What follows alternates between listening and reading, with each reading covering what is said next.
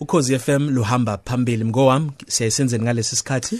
Ngalesi sikhathi sesikhuluma noma mncumisa mahagwe. Ngithemba ukuthi ngisho ngize kahle namhlanje? Kakhulu kakhulu. Yes Ngesonto edlule ke sasikhulume ngendaba ye stroke futhi and namhlanje sithi futhi siyayiqhubeza yona le ndaba le. Yes, namhlanje yes, sibhekani namhlanje sibheka izinsiza ngoba ngesinye isikhathi selbi ufumanisa ukuthi i- i- isikhathi sokuhlala esibhedlele because uh, an- andizukhuluma kakhulu ngo private ngizokhuluma ngo government because ngifuna abantu bazi ukuthi kwi government institution uyakwazi ulufumana usizo njengakwa private ngoba abantu banalento ukuthi cha kufuneke uye kwa private and you get a better a better usizo kunaka kunaka government.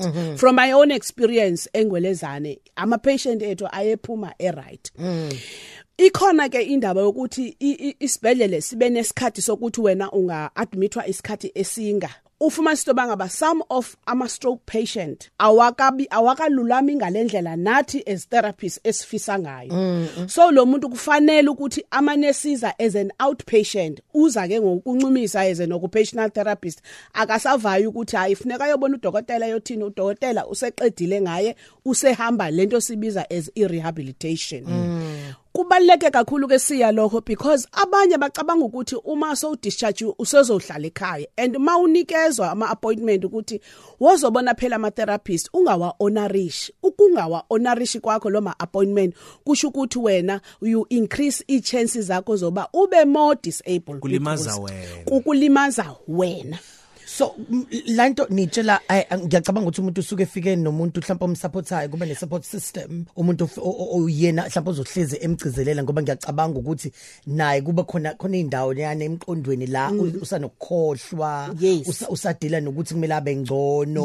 So nike nitshele bona abantu ukuthi ke i support system ukuthi nibakhumbuze ngeensuku zokuze sibhedlela Yes, uma ukhumbula kahle Selby eqeleni kwi previous uh, talk yami ngikhulumile ngefamily. Mm. That is where ke siye sicele kwi family ukuthi sibe nayo umuntu ozoza nalo. Ngiyakuthanda musithi uba ne memory problem. Vele baba nayo i memory problem. Mm. And that is what as occupational therapist ke esiye si retrain Ukukhohlwa because kwakhe. ukukhohla kwakhe funeke sikubuyise ukuthi azokwazi ukuthi uca so uma engasezi manje for rehabilitation uyakubona konke lokho ukuthi akho umuntu um- u- u- u- umenza ekhaya Olandelelayo. olandelelayo. So kubaleke ngalokho ukuthi umphakathi wazi ukuthi uma kunikezwa idate imphakathi woza uzofumana usizo ngoba kwa stroke zikhona nensiza ezifumaneka ku occupational therapy department apho ufumana khona into esibiza as a brace or isplint esizana nesisandla sakho sigoqekileyo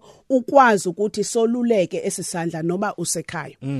Abanye ufumana sibasiya bayathi- basadinga ukuthi akakakwazi ukuzihambela usanida ukuthi aphume ngewheelchair. Asisho ukuthi uyohlala kula wheelchair ngoba omunye abanye abantu bacabanga ukuthi uma une stroke uyohlala ku wheelchair kanti sibe sukunikeza ukuthi ube mobile ukwazi ukuzihamba indawo ofanele Yeah. Okwesikhashana. uzihambe okwesikhashana. Usuka kula wheelchair ikhona i, i, i, i tripod is it's it's um assistive device. Normally oyifumana kwa physiotherapy. Usuka ku wheelchair yabona i, i, i, i- i stroke sizi stage ngestage. Khumbula ngithi ngisuke naye embedeni ngamhlalisa esitulweni. Manje uyohlala ku wheelchair from ku wheelchair uyohamba ngale tripod. From the tripod uhamba nge walking stick. So easy phases. Uma ke wena uhlele ekhaya ungazihambanga zonke ezi phases kusho ukuthi u increase i chances zakho ze disability so kusho ukuthi singagcila nje kubantu ukuthi landelela ngaso sonke isikhathi Landelela kakhulukazi sonke. laba abahlala nabo. Yes kakhulu kakhulu. And kakhulukazi because uyufumana into mangaba ngogogo aba aba aba aba athekwa si stroke kakhulu kakhulu kakhulu